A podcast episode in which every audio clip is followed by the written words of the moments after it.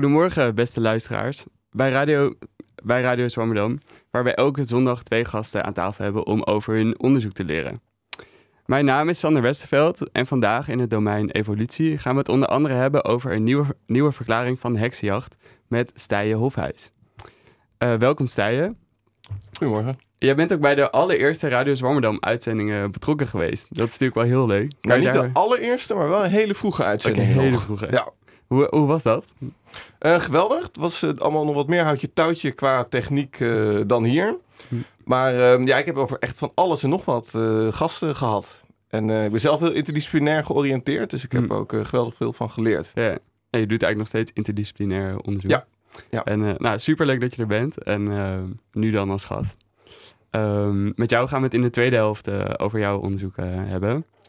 Uh, na de column van Bart van Herikhuizen, ook heel erg welkom. Goedemorgen. wil je een tipje oplichten van de, tipje van de sluier oplichten? Ik ga het wel over iets heel anders hebben dan de twee gasten die jullie vandaag hebben uitgenodigd. Namelijk de narigheid bij het ministerie van Justitie, het WODC. Hm. Nou, we zijn heel benieuwd.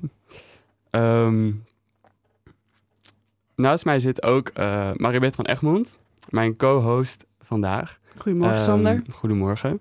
En we hebben het al eerder, uh, eerder gehad over evolutie. Weet jij nog welke, welke andere uitzendingen dat waren? Uh, ja, we hebben het gehad over de evolutie van het brein. Uh, dat ging over chimpansees en over het namaken van hersentjes in het lab. En we hebben het gehad over de evolutie van het heelal. en over eventueel buitenaards leven.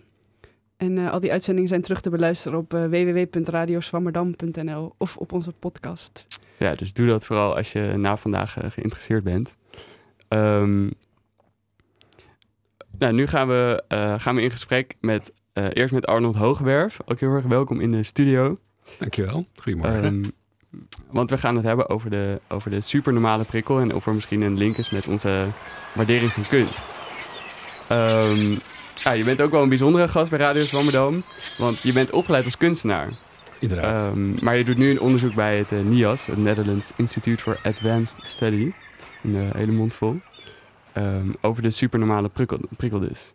Uh, misschien om te beginnen een kleine inleiding over wat de supernormale prikkel eigenlijk is. We hoorden al net op de achtergrond wat meeuwen op het strand. wat, heeft dat er iets mee te maken? Jazeker, want de supernormale prikkel is ooit ontdekt door Nico Timbergen, of in ieder geval zo benoemd, bij uh, zilvermeeuwen. Dus hij heeft dat onderzoek uh, in de jaren 40, 1947 gedaan, uh, op de Bosplaat, ter Schelling. En het onderzoek wat hij deed, noemde hij of beschreef hij als de functie van de rode vlek op de snavel van de zilvermeeuw. Bijna poëtisch naam, vind ik zelf. En daar, nou ja, hij heeft daar allerlei proefjes gedaan, echt oude gedragsbiologie. Hij was ook een van de grondleggers hè, van de, de moderne etologie. En uh, nou ja, hij, hij uh, deed allerlei uh, gedragstudies in het vrije veld. Waaronder dus ook bij meeuwen.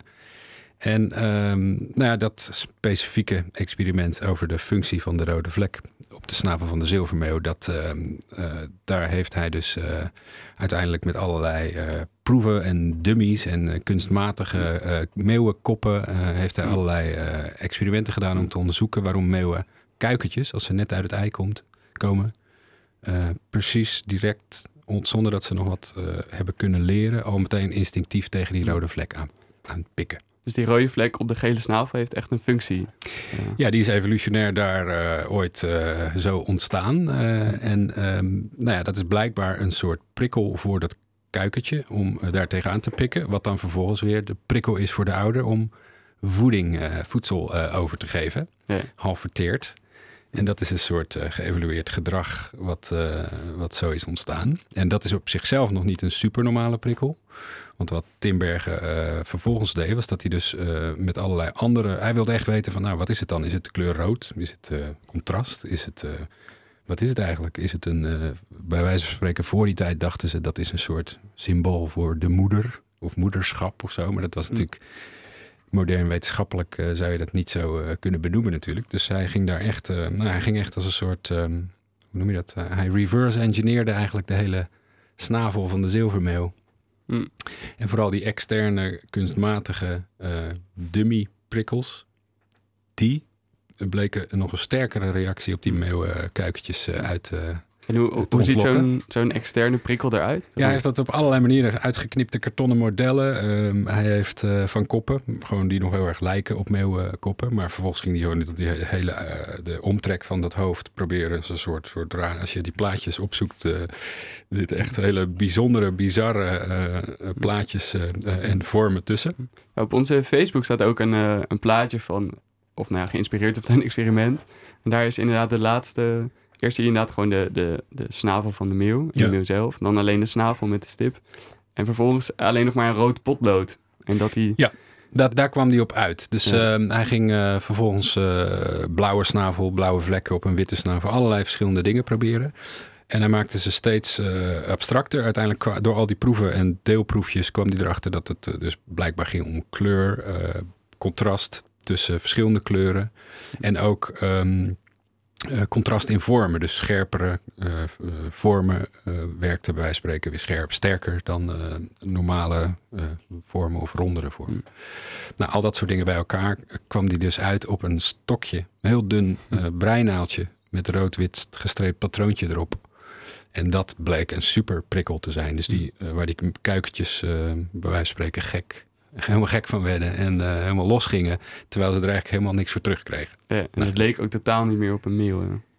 Nee, nee, precies. Ja. precies. En het gerucht gaat dus dat dat een breinaald van zijn vrouw was. Want die ging gewoon gezellig mee in dat veldlaboratorium. Ja. Dus dat was echt mooie oude, ho- oud-Hollandse wetenschap wat daar werd eh, bedreven. Ja. En eh, misschien om het even te vertellen, want dat was voor mij, dat hele experiment was voor mij de grote inspiratiebron om er in 2010, 11, 12 en 13 eh, een groot kunstproject al eh, mee Ja. te maken en omheen te bouwen. Ja. ja, misschien kan je ook even vertellen inderdaad hoe je bij het, bij het NIAS ook terecht bent gekomen. Want daar doe je nu dus dat project. Ja, dat is dus dan even eh, heel erg fast forward naar nu bijna. Want dat heb ik eh, toevallig afgelopen vrijdag had ik mijn laatste dag alweer bij het NIAS. Het is eh één semester was ik daar artist in residence. Vanaf volgende week zit er weer een half jaar een, eh, nieuwe kunstenaar. Tussen allemaal wetenschappers. Want het, zijn, nou, het NIAS is echt een, een, ja, onder de koepel van de Academie van Wetenschappen. En ehm, nou ja, het is daar voor mij. Ik zat daar als een soort Sjaki in de chocoladefabriek. Tussen allemaal eh, verwonderd rond te kijken. tussen allemaal wetenschappers. En nou ja, heel veel eh, eh, gestudeerd. Maar wat ik daar eigenlijk heb onderzocht is. Ja, ik ben gewoon veel dieper op die hele materie ingegaan. En vooral ook gekeken hoe andere wetenschappers na Timbergen dat concept van de supernormale prikkel hebben gebruikt in hun eigen onderzoeken. En daar ook nieuwe alternatieve theorieën voor heel ander soort gedrag, maar dan vaak mensgedrag, Hmm. hebben. eh, die hebben dat experiment daarbij gebruikt. Ja. Eh, en met als, als uiterste variant ben ik natuurlijk als kunstenaar. Er zijn namelijk flink wat wetenschappers die ook juist het gedrag van mensen, het kunstgedrag en waarom mensen kunst maken en van kunst houden en graag kijken naar kunst of luisteren. Nou, die brengen dat in verband met gelijksoortige principes als bij, dat bij die eh, oorspronkelijke Ja. meeuwenkuikentjes. Ja. Wat misschien- overigens heel, heel dubieus, of hoe zeg je dat, heel erg... het is niet zomaar... ehm, nou, het is nogal...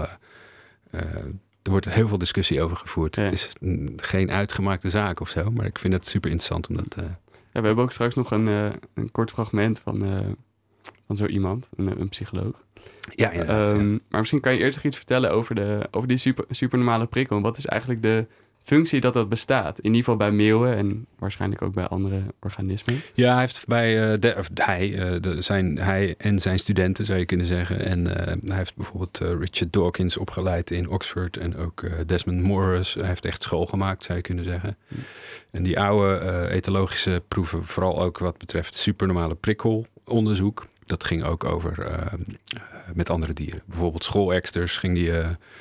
Ja, wat ik net al noemde, dummies, hè, van die, van die eh, nep-modellen. Hij ging ze eigenlijk allerlei dieren eh, als een soort dompteur ging die kijken wat, wat voor reacties ze eh, in het vrije veld kon ontlokken. Ja. Door allemaal dummies voor te houden. Nou, en hij deed dat ook bij eh, schoolexters, zoals ik al zei. Dan ging eh, nam hij het ei uit het nest, het oorspronkelijke echte ei. En deed hij een, een mega drie of vier keer zo groot ei, legde, legde hij ervoor terug. En dan bleek dat dat een veel grotere aantrekkingskracht had op, die, eh, op de schoolexter dan, eh, de oorspronkelijke, het oorspronkelijke eitje, zeg maar. Ja. Een En- vraag van Maribeth? Eh, Ja. ja. je hebt het steeds over die supranormale prikkel Ja. als iets wat dus die, men, die wetenschappers dan inbrengen. Maar bestaat de supranormale prikkel ook in de natuur? Of is het... Is dus, Ja, nou ja, eh, eh, het ligt eraan hoe je hem definieert. Maar eh, in principe zou je kunnen zeggen, bijvoorbeeld de, het koekoeksjong, die, die wordt, het, het- de koekoek legt zijn ei in een andermans nest, een ander, van een andere soort vogel. Die, dat koekoeksjong is veel groter dan de rest van de kuikentjes. En die heeft ook een veel grotere bek als die hem openspert, als hij net als om, om voedsel bedelt. Dat is voor bijvoorbeeld de, ja, de karakiet of veld. Ik weet geen eens welke vogel. Er zijn een aantal vogels waar, eh, die, waar de koekoek eh, zijn eieren in legt. Maar doordat die bek van dat koekoeksjong veel groter is dan de eh, echte jongen, werkt dat voor de moeder die voedsel kon brengen als een supernormale prikkel voor. dus het komt wel voor in die zin. Het is gewoon een, een, een, fenomeen. Alleen de meeste moderne interpretaties eh, s- focussen zich heel erg op kunstmatig en natuurlijk, zeg maar. Wat sowieso een hele moeilijke discussie is. Want het, Ja. wat is, eh, het bestaat natuurlijk eigenlijk ook niet, dat onderscheid. Maar, maar toch. Eh, En bij dat koekoeksjong is dus duidelijk dat het een voordeel heeft dat die, dat die supernormale prikkel bestaat. Voor dat jong dan. Ja. Maar ehm, bij- waarom, heeft een meeuw, waarom begint een meeuwenjong zo te pikken op een rood potlood? Terwijl dat klinkt volkomen ongunstig, want er komt niet eens eten uit. Dus waarom, nee. waar, waar komt, is dat een soort bijgevolg of zo van die... Ja, je zou kunnen zeggen, of tenminste dat het een soort, eh, ja, eh, dat kuikentje is gewoon gemaakt om op rode objecten en contrastrijke objecten te eh, pikken. En Ja. Ja, als dat dan toevallig iets is wat, wat ook eh, zo, Ja. eh, wat nog veel sterker werkt, dan, ja, dan wordt daar in principe, het, het- zo werd het dan ook een beetje eh, beschreven tijdens ons project in, op het Oerol Festival destijds, dat de, in- onze instincten of de instincten van dieren worden op dat moment gegijzeld. Dus Hmm. ze, ze worden eigenlijk om de tuin geleid. En, en dat is eigenlijk een soort, ja, wel een negatieve invulling daarvan. Hmm. Maar Dus het komt er eigenlijk op neer dat dit- zo'n meeuwjong, die kijkt eigenlijk helemaal niet of er een meeuw eten brengt. Nee. Die kijkt gewoon, zie ik eh, contrast, zie ik rood, zie ik iets scherps. ja, ja, En, en, dat, dan komt daar vast wel, en dan ga ik maar pikken, want dan zal er wel eten komen. ja, en dat er dus blijkbaar eh, aangeboren gedrag was. Dat was destijds echt wel een, een doorbraak ook. De, de Study of Instinct, dat was eh, in de jaren 5, 51 of zo. Van Tim Bergen zijn grootste, zijn magnum opus, zeg maar. Zijn, er is, daar had hij dus ook zijn grote wetenschappelijke doorbraak mee. Nou, dat hele woord instinct wordt tegenwoordig bijna niet meer gebruikt. Het is sowieso altijd, eh, weet je wel, nature, nurture. Die tegenstellingen zoals dat in de 20e eeuw eh, heel erg sterk was, die is tegenwoordig natuurlijk, ja, de, de wetenschap is, eh, is alweer veel verder. Dus cultuur, daar zullen we het zo waarschijnlijk later ook nog over hebben vanmiddag of vandaag. Maar ehm, dat zowel nature als nurture is natuurlijk ja, even belangrijk in die zin. En in deze zin is dus een supernormale prikkel is echt nature. Ja, Of in dat- die tijd, in het oorspronkelijke experiment van eh, eh, het instinctmatige gedrag van een meeuwenkuiker wat net uit het ei is, Ja. daar, daar toonde die dus eh, mee aan. Oké, blijkbaar is er dus eh, gedrag wat aangeboren is. Hm. Ja. En Ja. nou ja, daarna zijn er ook gelijksoortige principes. eh, binnen de psychologie eh, wordt het eh, peak shift bijvoorbeeld genoemd. En dan gaat het veel meer over eh, dat je dat, dat binnen het een soort leer, eh, bij, bij leren geleerde processen of geleerd gedrag gelijksoortig kan werken. Ja. Dus dat, dat onderscheid van aangeboren, niet aangeboren is daarna helemaal niet meer zo relevant. Of ja, wel relevant, maar het is niet meer eh, Ja. zo heel belangrijk geworden. Ja, want de, ehm, ik, ik heb had een filmpje gekeken van eh Ramachandran. Ja. Een, ehm, een, eh, een gedragswetenschapper die, eh, die de Eight Laws of Artistic Experience publiceerde in 1999. Ja. En de, zoals jij mij vertelde, was de eerste daarvan, de eerste van die wetten, is gebaseerd op deze, eigenlijk deze ontdekking van Timbergen, van die supernormale Precies. prikkel. Ja. Ehm, en hij legt daar ook een link naar de, naar, de, naar de mens, naar het gedrag van de mens, dat dat misschien, ehm, het, het- een, wat jij ook al zei, dus een, ehm, dat in onze kunsten, dat ook in onze eigen kunst dat gebruikt wordt. Ja. Dus laten we eh, eerst even luisteren naar een eh, fragment daarvan. Timbergen took a long yellow stick and put three red stripes on it. And the chicks go crazy. they go berserk. And all of them are attracted to it like a magnet, and they all congregate and start pecking incessantly, preferring that to the original beak, and indeed to the mother. We said, that's really stupid. Why did it, this thing doesn't even look like a beak, right? Why is it preferring this? Why is it fetishizing this object? The answer is we don't know the, what the grammar of vision is, what the neurons are doing. Maybe they're, have a rule that says the more red contour, the better. So what you've done is you've created Timbergen without realizing it, has accidentally stumbled on a super beak, which is actually more optimally stimulating these beak neurons in the brain than a real beak, and this gives a jolt to the chick's limbic system saying, wow, what a sexy beak, right? And it goes crazy and starts fetishizing this object. Now you say, what's this got to do with human art? Well, let me tell you. Again, it's deviating from realism. This is what all of you, all of you, in other, words, if the seagull chick had an art gallery, if seagulls had an art gallery, they would hang the stick with the three stripes on the wall, pay hundreds of millions of dollars, worship it, and regard it as a great work of abstract art. In other words, what I'm saying is that the great works of abstract art, the great artists like Picasso or Monet or all of these people, or Rodin or Henry Moore, they've discovered the figural primitives, the equivalent of this long stick with the three stripes for your human brain. And then they're playing with these primitives. That's what's going on.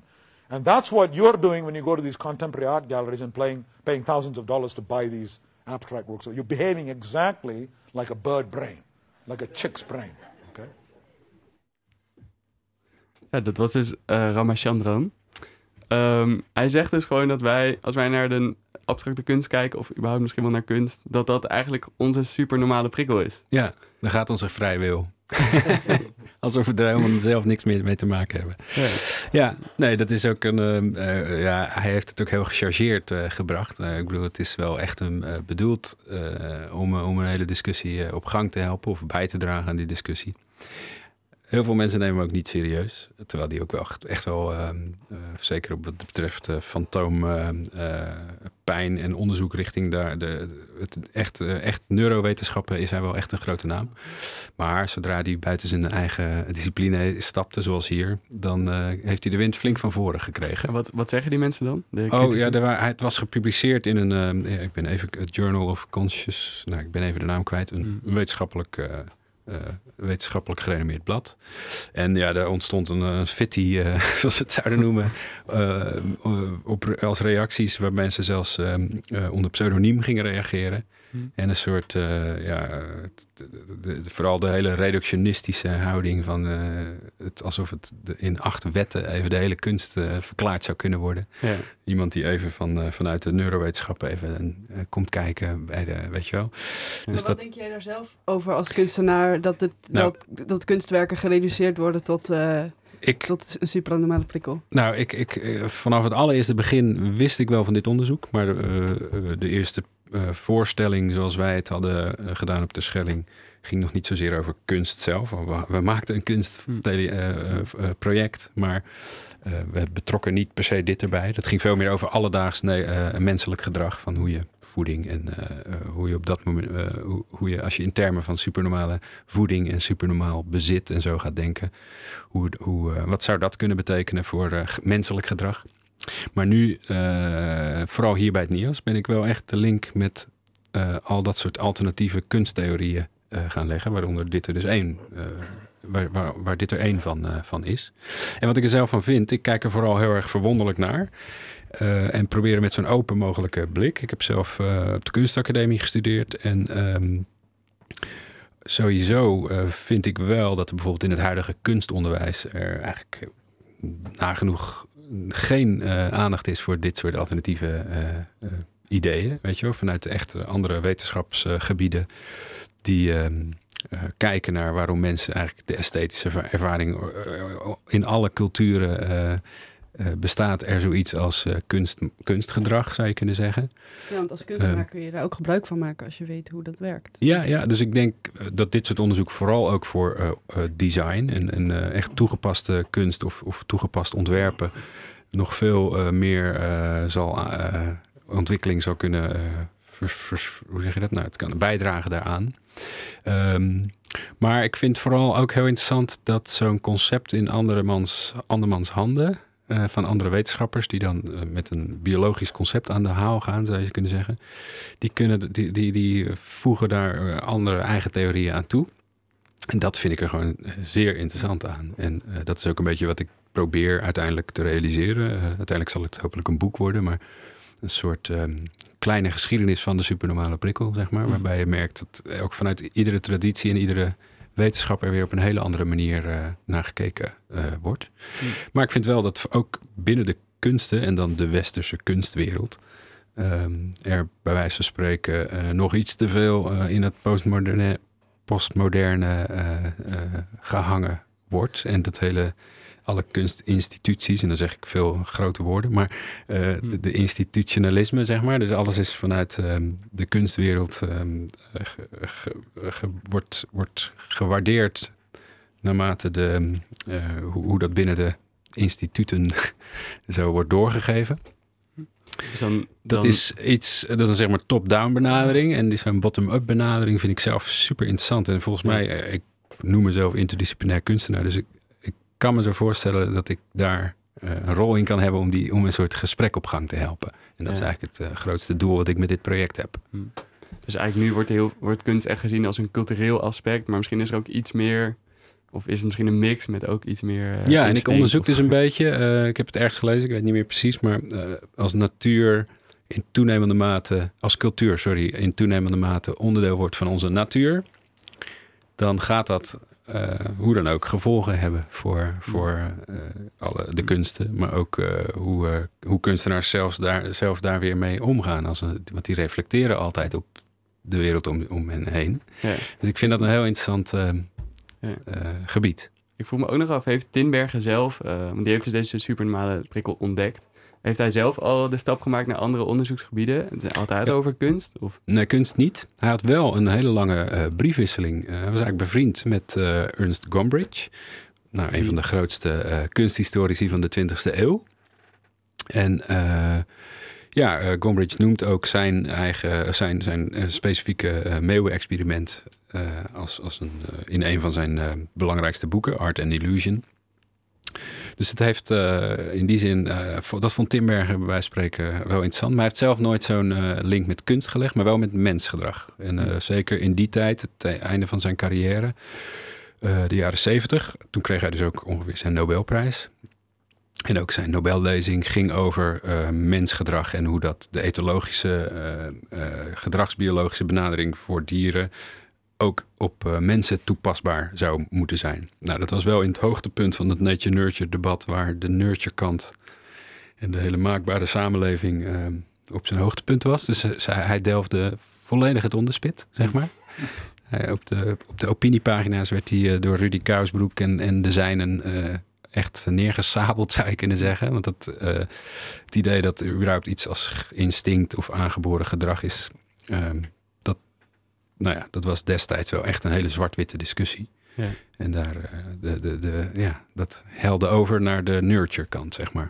Dus, Dus- zelfs met een No- Nobelprijs op zak werd hij nog niet heel eh, serieus. Nou, ja, Of nou, het was natuurlijk niet zijn vakgebied waar hij het dan over had. Ja, dat is het denk ik. Eh, hij is heel erg gewaardeerd, nog steeds. Ook eh, vanwege zijn veel andere dingen hoor. Eh, hij heeft hele, zijn vooral hele methodologische manier van biologie en wetenschap bedrijven.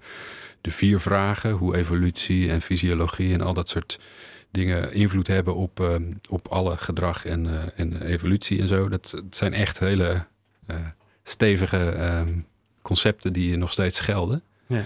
Maar ehm, nou ja, zijn uitstapjes. Hij is in die zin een beetje gedesillusioneerd ge, ge, eh, ge- gestopt, gestorven, geëindigd. omdat hij wel de hoop had dat de mensheid meer aan zijn kennis en theorieën zou kunnen hebben. Nog een vraag van Maribeth? Eh, ja, eigenlijk over iets heel anders. Maar ehm, eh, je bent dus zelf kunstenaar. En Ja. als ik denk aan een kunstenaar die iets doet met de supranormale prikkel... dan stel ik me voor dat je allemaal hele grote dingen hebt gemaakt... waar wij allemaal helemaal gek van worden. Is, is dat zo of doe je op een hele andere manier? Of ik eh, dan zelf supernormale kunst ga ja, maken. precies. Dat, Ja. dat had ik gedacht. Maar Nee, nee, helemaal niet zelfs. In die zin, ehm, ik vind het zelf heel interessant als kunstenaar om ehm, eh, ehm, wetenschappelijke concepten, historische wetenschappelijke concepten, of ook technologie, hoe, hoe nieuwe technologie of nieuwe concepten ehm, ontstaan.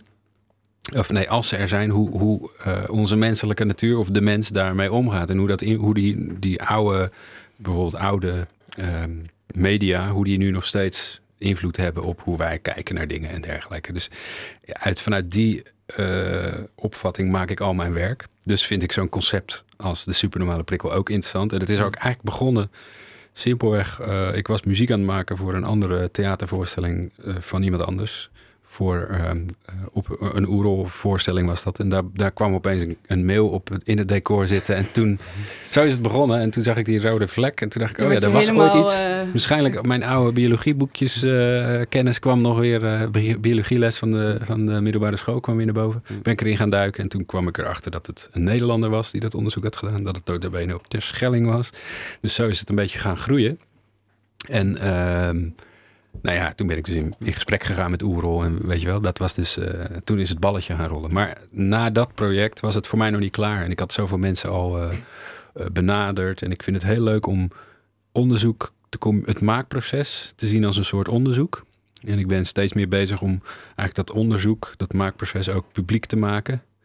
Waardoor het hele proces bijna net zo belangrijk wordt als, als het hele eindproduct. En, en dat was destijds een theatervoorstelling, maar dat kan in een volgend project zal dat een eh, meer geluidswandeling-achtig project worden. En misschien Ik, eh, komt er dus een, eh, een boek aan. dat hoop ik al, wel. ja. Dat hoop ik wel. Ja. Nou, heel erg leuk. Daar kijken we eh, naar uit. En eh, ik vind het zelf in ieder geval heel leuk dat je verschillende onderzoeksgebieden bij elkaar eh, probeert te denken.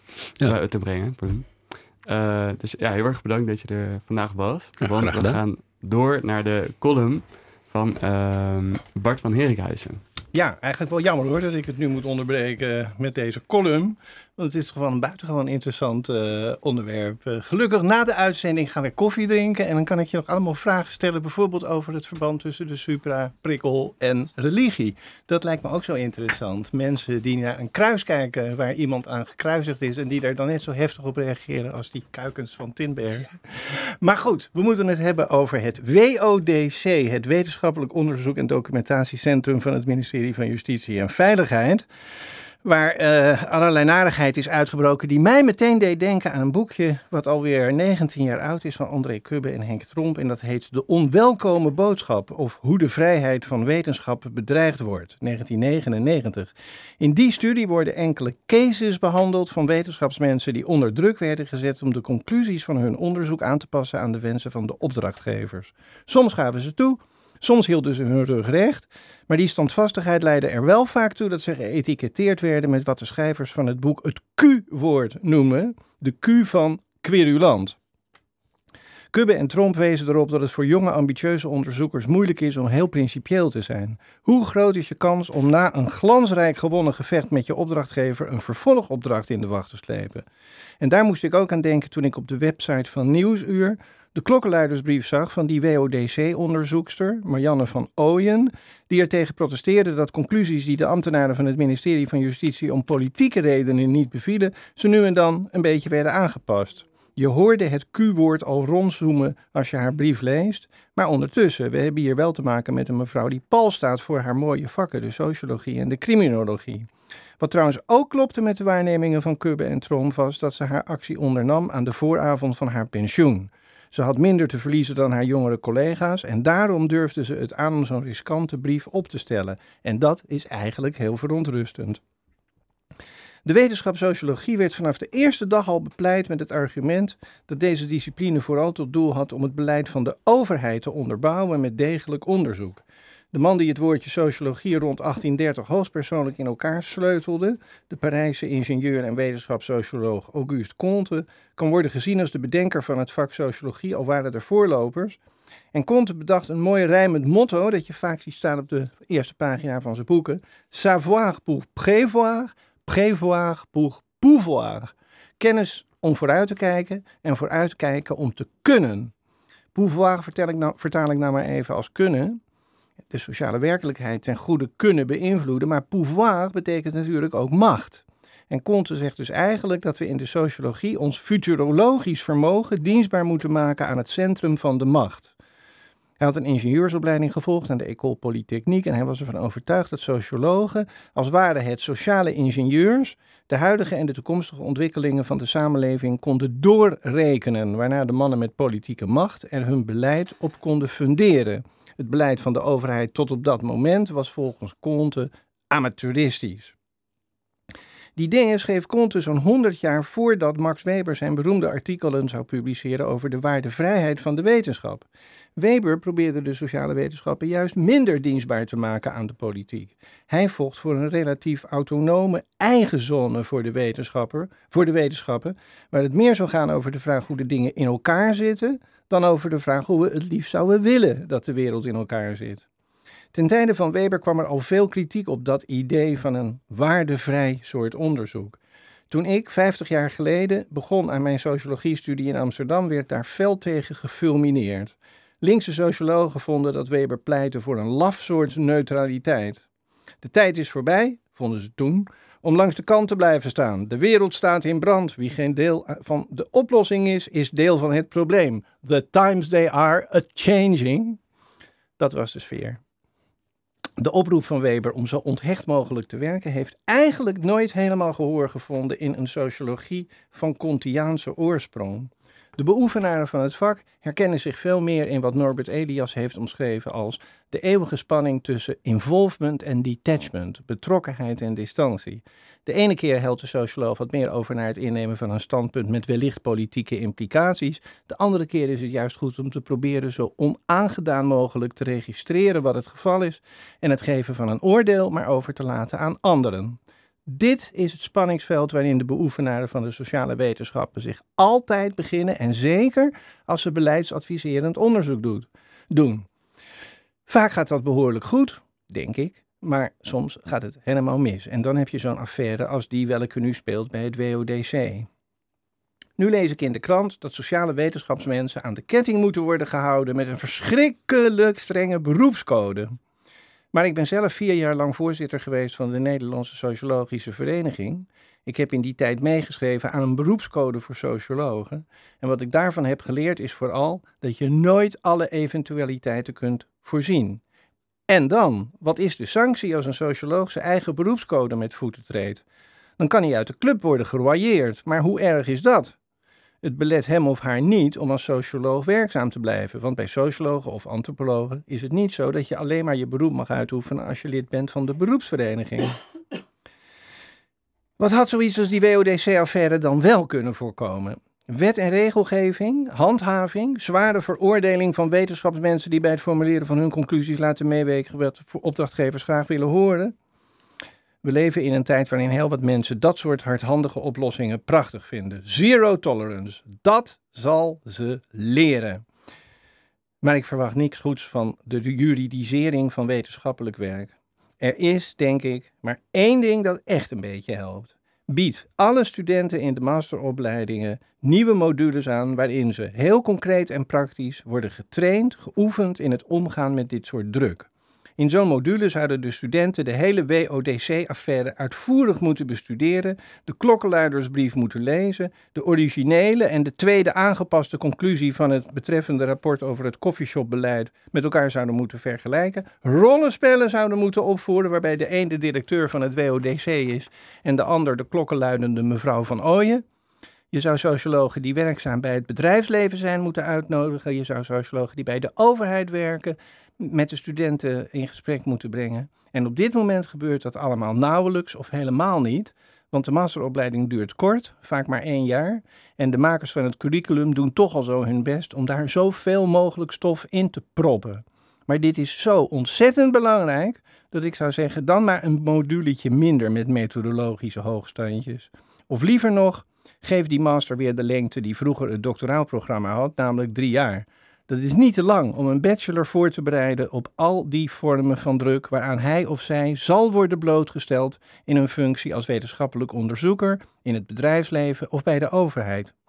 En oh ja, laat de studenten dan vooral dat boekje lezen van Kubbe en Tromp uit 1999, dat nog altijd zo brandend actueel is, en toets hun kennis in een streng tentamen. Dat zal ze leren. Zo. Bedankt voor je statement. Alsjeblieft.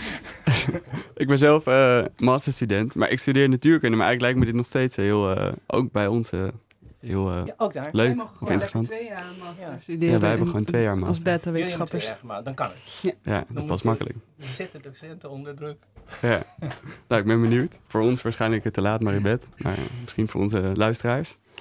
Ehm, ja, voor de, voor de column ging het, eh, met, ehm, ging met Arnold Hogewerf over de eh, ontdekking van de supernormale prikkel door eh, Tinbergen. En of er misschien een relatie is met onze waardering van kunst.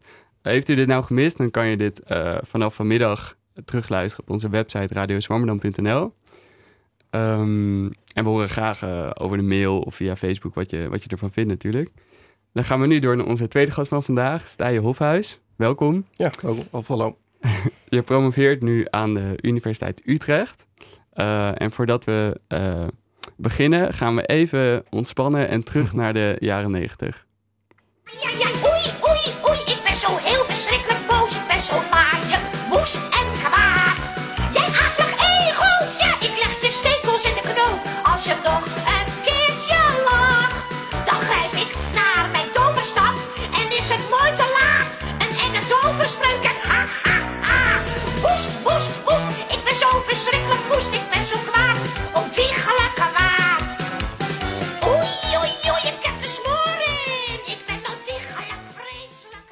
Ja, dat is eh, de meesten van ons kennen dit, deze intro wel, denk ik, van de boze heks uit de jaren negentig. Ik vond die wel zelf altijd ontzettend spannend. Eh, maar de meeste van ons, of de, ja, wij kennen misschien de heks vooral als een, eh, als een beetje de, het boze figuur in leuke kinderverhalen of zo. Ehm, maar de, de heksen in jouw onderzoek hebben, is eigenlijk van veel serieuzere aard. Ehm, want die, ehm, ja, dat gaat over de jacht op de heksen in de middeleeuwen. Kan je- Nou, ietsje later. Het was in een tijd die vaak eh, de vroegmoderne tijd wordt genoemd. En eh, na de middeleeuwen was. Dus dat was de 16e en de 17e eeuw. Ehm, ja, en toen vonden ze heks inderdaad een stuk minder grappig dan wij het vinden in dit eh, filmpje. Toen vonden ze dodelijke ernst, heksen. Ja. En dat bleek dus ook zeer dodelijk om eh, een, als heks te worden bestempeld. Ja, er zijn, eh, ja, de schattingen lopen uiteen, maar waarschijnlijk zo rond de 50.000 mensen in Europa eh, als heks doodgemaakt. Hm. Vaak na heel lang gemarteld te zijn en uiteindelijk op de brandstapel eh, verbrand. En mensen waren ongelooflijk bang voor heksen. En is dat in heel Europa gebeurd? Of? Ehm, ja, de meeste landen in Europa wel. Het scheelt natuurlijk heel erg. Sommige delen van Europa veel meer dan in, in andere stukken. Eh, vooral in eh, Zuidwest-Duitsland en Oost-Frankrijk zijn eh, hele grote heksenvervolgingen geweest. Hm. En jij bent zelf historicus. Wat is precies het, het doel van, jouw eh, van jouw onderzoek? Wat is je onderzoeksvraag? Ehm, nou, de heksenjachten zijn voor mij eigenlijk een, een casus voor een theorie die ik heel erg interessant vind. En die theorie is Darwiniaanse culturele evolutie. En dat is het idee, hè, want we hadden het vandaag al eerder over evolutie. Eh, dat culturele fenomenen ook, eh, net als biologische fenomenen, een Darwiniaans eh, evolutieproces doorlopen. Dat er dus deze nieuwe culturele varianten ontstaan, veel meer dan kunnen overleven. En dat steeds de best aangepaste behouden blijven. En dat cultuur zich dus ook de hele tijd op de omgeving aanpast. Hm. En misschien op manieren die wij helemaal niet hebben bedoeld of herkend. En ik onderzoek of dat inderdaad op die manier gaat. Eh, aan de hand van de Europese heksenvervolgingen. Nou, daar gaan we het over hebben. Ehm, ik was ook nog benieuwd, wa- waarom was er eigenlijk een heksenjacht? Had dat een, eh, had dat een functie? Had er, iemand, Ehm, had er iemand baat bij? Nou, dan eh, ga je meteen, denk ik, op de cruciale vraag van mijn, mijn onderzoek. Die kunnen we ook bewaren voor later als je wil. Ehm, nou, misschien is het, is het goed als ik eerst nog eventjes eh, wat, wat meer over die theorie uitleg van Ja. Darwiniaanse culturele evolutie. En dan eh, inderdaad de, de vraag die jij nu stelt eh, bespreek. Ja.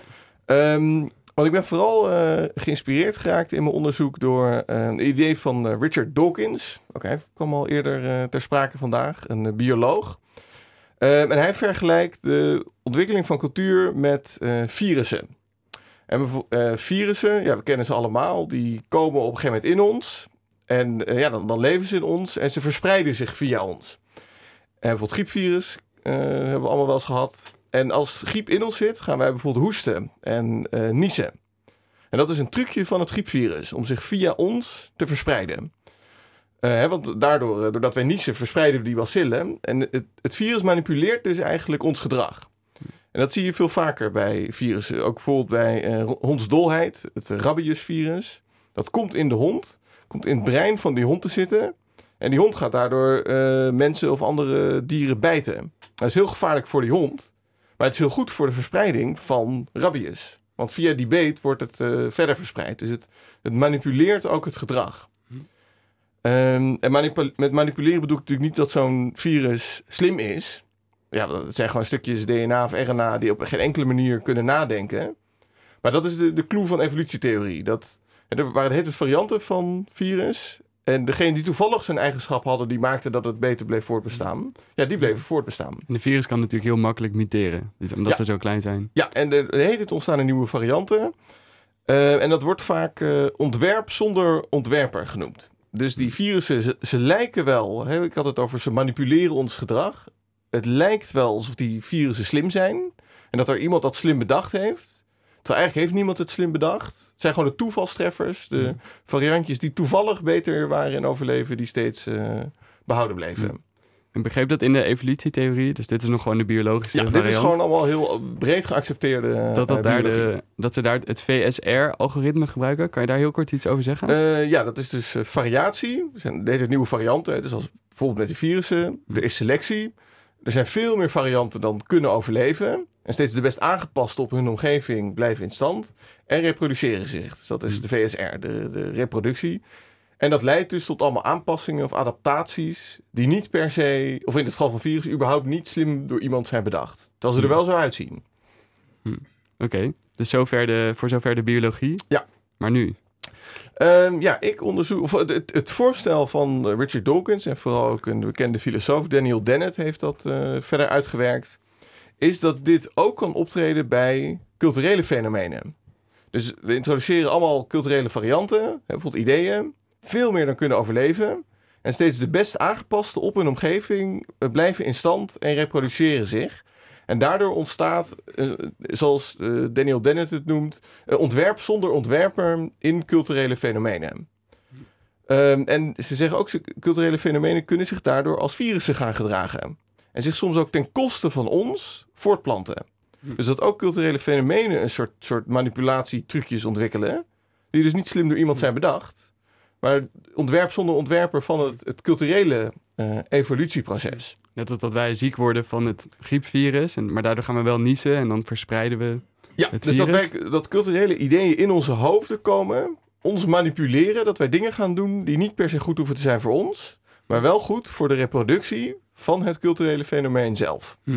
Ja, dit klinkt al bijna als een bruggetje naar het onderwerp. Ja, dit is inderdaad eh, een heel mooi bruggetje naar de, de heksenvervolgingen.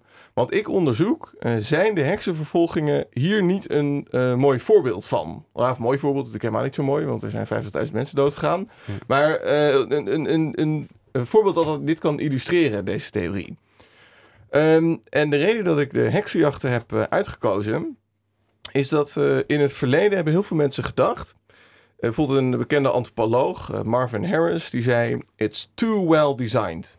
Hij zei dat dat hekserijsysteem wat toen in Europa ontstond, dat zat zo goed in elkaar om mensen bang te maken en weer nieuwe heksjachten te veroorzaken. Dat, dat moet dus ergens slim gebruikt zijn. Dat was een middel van mensen eh, om, om iets te bereiken. En hij dacht, heksenjachten was een middel, hè, dus de functie waar jij naar vroeg, van de heersende groepen om een imaginaire vijand te creëren. En dan ging daar alle agressie eh, tegen eh, kon worden uitgeleefd. En de heersende groepen kon daar, konden daardoor beter hun, eh, hun macht eh, behouden. Ehm, en dat idee van too well designed, daar zit denk ik wel wat in. Want als je naar de ideeën in de 16e en 17e eeuw kijkt over heksen, dan valt inderdaad op dat ze er wel bijna slim op bedacht lijken te zijn om heksjachten te veroorzaken. En heksjachten in stand te houden. Ik moet ook bij Too Well Design denken aan de biologische evolutie. Als je gewoon denkt aan de natuur. Als je dat ziet, dan denk je ook van ja, dit kan bijna niet. Dit, is, dit moet iemand ontworpen hebben. Dan heb je zo'n Ja. cre- creationistisch idee. Precies. Dat is eigenlijk ook een analogie nog steeds. En eh, wat het bijvoorbeeld eh, met die heksenjachten... eh, ik kan een paar voorbeeldjes noemen van dingen die wel slim ontworpen lijken. Ehm, er werd toen breed gedacht dat heksen s s'nachts samenkwamen op een zogenaamde heksensabbat. En daar kregen ze de instructies eh, van de duivel. Het waren ook hele seksueel perverse eh, gebeurtenissen. eh, waar ze bijvoorbeeld ook seks hadden met de duivel. Ehm, maar dat was heel cruciaal. Want als je namelijk denkt dat heksen netwerken vormen en elkaar kennen. En je denkt één heks te pakken te hebben. Dan wordt het natuurlijk de moeite waard om bij die ene heks te achterhalen. Wie heb jij allemaal op de Sabbat gezien? Ja, ze dachten heksen deden verschrikkelijk gevaarlijke dingen. Zoals oogsten vernietigen, kinderen doodmaken. Dus het was nogal urgent om ze te stoppen. En als ze dan dus dachten één heks te pakken te hebben, dan gingen ze die heks eh, martelen. Net zo lang tot zo'n heks bekende van ja, ik ben inderdaad heks. En vragen wie heb je allemaal op de Sabbat gezien? En dan onder marteling gingen mensen natuurlijk vaak namen noemen. En dan gingen ze die mensen martelen. En die gingen ook weer namen noemen. En zo kon er een hele keten van beschuldigingen op gang komen. eh, waarbij in extreme gevallen soms wel eh, iets van 800 mensen werden doodgemaakt. Dat of 10% of 20% van de stad eh, werd uitgemoord. Mensen gewoon helemaal in paniek raakten. Eh, en ze dachten ook dat heksen konden eh, vliegen naar de heksensabbat. Bijvoorbeeld op de bezemsteel. En dat betekent dus dat ze elkaar over grote afstanden kunnen kennen. Die heksen. En daardoor konden die ketens van beschuldigingen zich ook over hele grote afstanden verspreiden. En ergens snap ik Marvin Harris wel. Die zei, it's too well designed. Hè, dit, dit lijkt wel slim bedacht. Om dus die, die hele grote heksenvervolgingen met ketens van beschuldigingen over grote afstanden te veroorzaken. Wa- waren er toen mensen die, dat, die dit dus echt dachten? Die dus echt... ge- Geloofden mensen ook echt in die marteltechnieken bijvoorbeeld? Dat mensen niet gewoon... Want nu weten we dat als je mensen martelt, dat ze vaak maar wat zeggen. Maar was dat toen ook al dat idee? Oh, mensen waren toen, tenminste daar lijkt het op, eh, oprecht doods en doodsbang eh, voor heksen. Wat je ergens wel kan voorstellen, want als je dus echt denkt dat ze oogsten vernietigen en een verbond met de duivel hebben gesloten, Hm. en je gelooft in de duivel, en, en kinderen doodmaken, ja, dan is het niet zo gek dat je oprecht heel erg eh, bang wordt. En er was toen al heel vaak werd gezegd, wacht even, dat martelen kan dat niet tot valse beschuldigingen leiden. Maar wat de verdedigers van die, dat martelen zeiden, van dat zou God niet toestaan. Dat op die manier onschuldigen zouden worden gepakt. En op zich was martelen toen als voormethode vrij normaal. Dat werd wel breed eh, geaccepteerd. Ik bedoel, tegenwoordig geloven er ook nog veel mensen in. Neem in het Guantanamo Bay. En ik, ik denk soms om eerlijk te zijn dat het ook nog wel eens effectief kan zijn. Hm. Om bekentenissen te krijgen. Eh, maar hier leidt het dus tot ehm, totaal imaginaire eh, ideeën. Dan la- laten we niet de marteltechnieken gaan eh, bespreken. Maar, Nee, die waren behoorlijk grimmig. Dat, eh, eh, maar, dit, maar dus deze, je noemt die eh, verschillende dingen. Dus dat ze, dat ze kunnen vliegen, dat ze een heksenvergadering of heksensabbat hebben. En dat ze dus, dat dat eigenlijk, het, daardoor kon het zich, de heksjacht zelf, zich goed verspreiden. Ja. Daardoor was de heksjacht zelf succesvol. ehm, en waarom zeg je... hm? Nou, waarom? ehm, eh, het klinkt ook. Ja. Het hadden mensen niet door dat dit ook heel veel kwaad deed voor hun. Als bijvoorbeeld zo'n zo'n dorp, als daar dan 20% was uitgemoord, dachten ze dan niet van: Goh, moeten we niet eens, is er niet iets aan de hand? Eh, nou, heel veel mensen schrokken toen natuurlijk van de omvang van die gebeurtenissen. En er kwam ook heel veel kritiek. Maar bijvoorbeeld op een gegeven moment in, eh, in Trier, eh, dat, daar is een hele belangrijke heksjacht geweest, zo rond eh, 1589. Ehm, en dat was de eerste keer dat ze dachten, die heksensabbats, daar komen niet eh, een paar mensen bij elkaar. Eh, dat zijn echt hele grote eh, bijeenkomsten. En daar zijn toen ook voor het eerst echt vele tientallen mensen doodgemaakt. Dat is de eerste, zoals het wel eens genoemd wordt, de eerste superhunt geweest. En dan zou je natuurlijk kunnen denken, oh, dat was een verschrikkelijke gebeurtenis. Iedereen dacht, oh, dat moeten wij niet ook gaan doen. Maar het ding was, die vervolging in Trier kreeg ongelooflijk veel aandacht. In eh, grote delen van Duitsland en ook verder van Centraal-Europa. Mensen schrokken daar heel erg van. Dat ze dachten, oh nee, die, die heksen, ze vormen nog veel grotere netwerken dan we al dachten. Eh, Ze zijn nog veel gevaarlijker dan we al dachten. Mensen lazen daarover wat er in Trier gebeurd was. En door Europa ging toen het, het idee leven van... oh, wacht even, die, die hekserij is nog gevaarlijker dan we al vermoeden. En we moeten op gaan letten als ze bij ons zijn... dat ze dus ook met hele grote eh, groepen bij elkaar kunnen komen. En wat je ziet vanaf Trier... gebeurt dat veel vaker in Europa. Dat er op meer plekken van die echt hele grote eh massavervolgingen komen. En dat ook in plaatjes van de heksensabbat zie je dat die heksensabbat, eerdere plaatjes zie je dus een paar heksen bij elkaar. Daarna geloofden ze in een soort massa-evenementen. Ehm, en wat mijn vermoeden is, is dat, eh, het is iets wat nog verder onderzocht moet worden. Er was de hele variatie in wat mensen over eh, heksen dachten. En heel vaak waren er varianten die leidden tot relatief kleine vervolgingen of geen vervolgingen. Bijvoorbeeld in Holland in de 16e eeuw had je ook wat vervolgingen. Bijvoorbeeld eh, bij Monnikendam en Schiedam dachten ze van er komen een paar heksen buiten de stadspoort bij elkaar. Dan moeten ze de duivels dansen en dan halen ze wat eh kwaadaardige magie uit. Maar ja, als je dat gelooft, dan heb je op een gegeven moment een paar heksen te pakken en dat blijft het dan. Geen spectaculaire vervolging die heel veel aandacht krijgt. Maar als je in Trier was dus toevallig dat idee van ze zijn hele grote netwerken en eh, ze vliegen en ze ontmoeten elkaar voor grote afstanden. Dat leidde tot een hele spectaculaire heksjacht die heel veel aandacht kreeg. En dus eh, enorm bijdroeg aan de reproductie van die eh, vervolgingen. Ondanks het feit dat het voor Trier rampzalig was. Hm, En dus in jij, in jouw onderzoek denk je dus dat het vanuit de heksjacht zelf... Ja. Wat, wat zeg maar de, het voordeel voor de heksjacht zelf is en niet per se voor de mensen. Ja.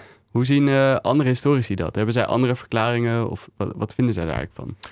Ehm, nou, in het verleden heb je dus veel historici en ook eh, wat sociale wetenschappers gehad die dachten die heksjachten zijn dus een soort sluw eh, middel geweest tot een doel. Dus bijvoorbeeld die Marvin Harris dacht het was om, om volk, armen te onderdrukken. Hm. Andere bekende verklaring is het was een middel van mannen om vrouwen te onderdrukken. Want het was een oververtegenwoordiging van vrouwen onder de slachtoffers.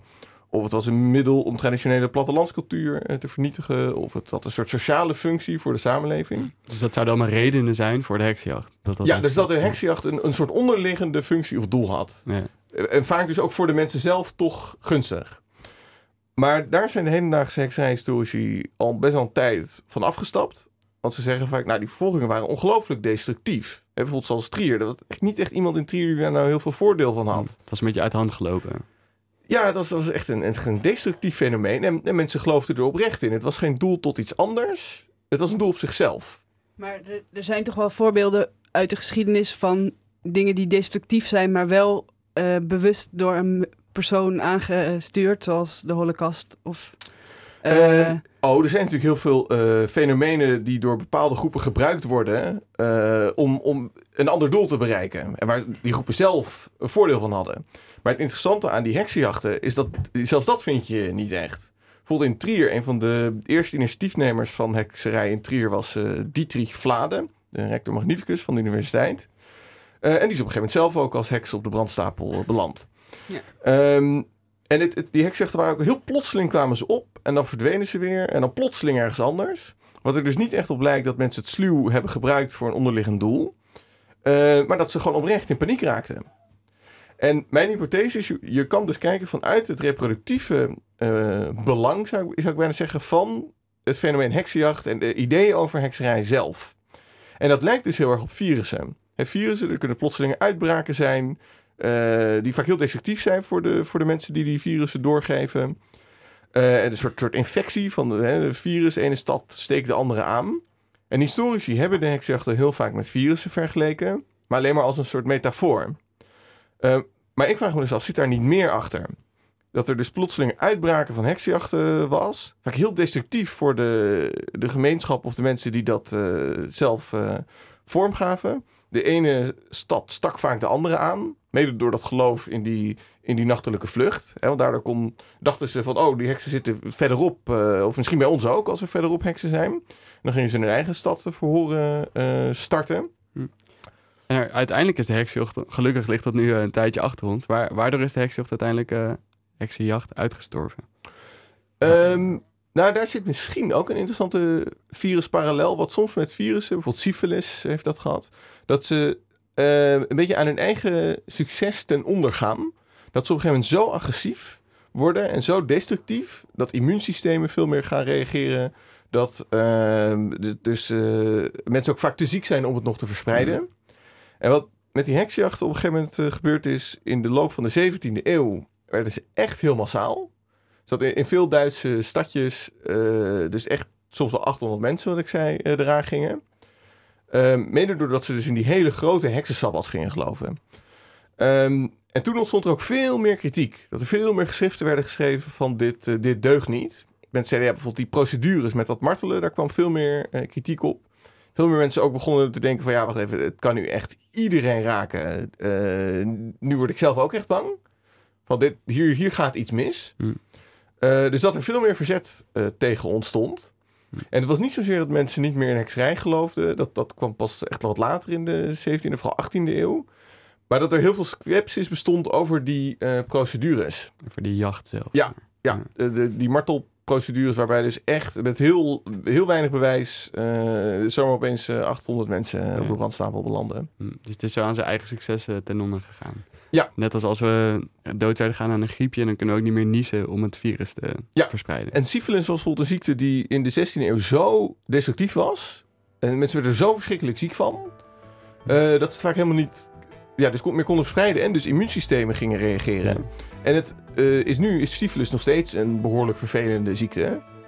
Maar veel milder dan het Hm. eh, in de 16e eeuw was. En, Ik hoorde eindtune alweer. oh, oké. Nog een laatste hele korte vraag. Ja. Als je, zijn er ook nog andere...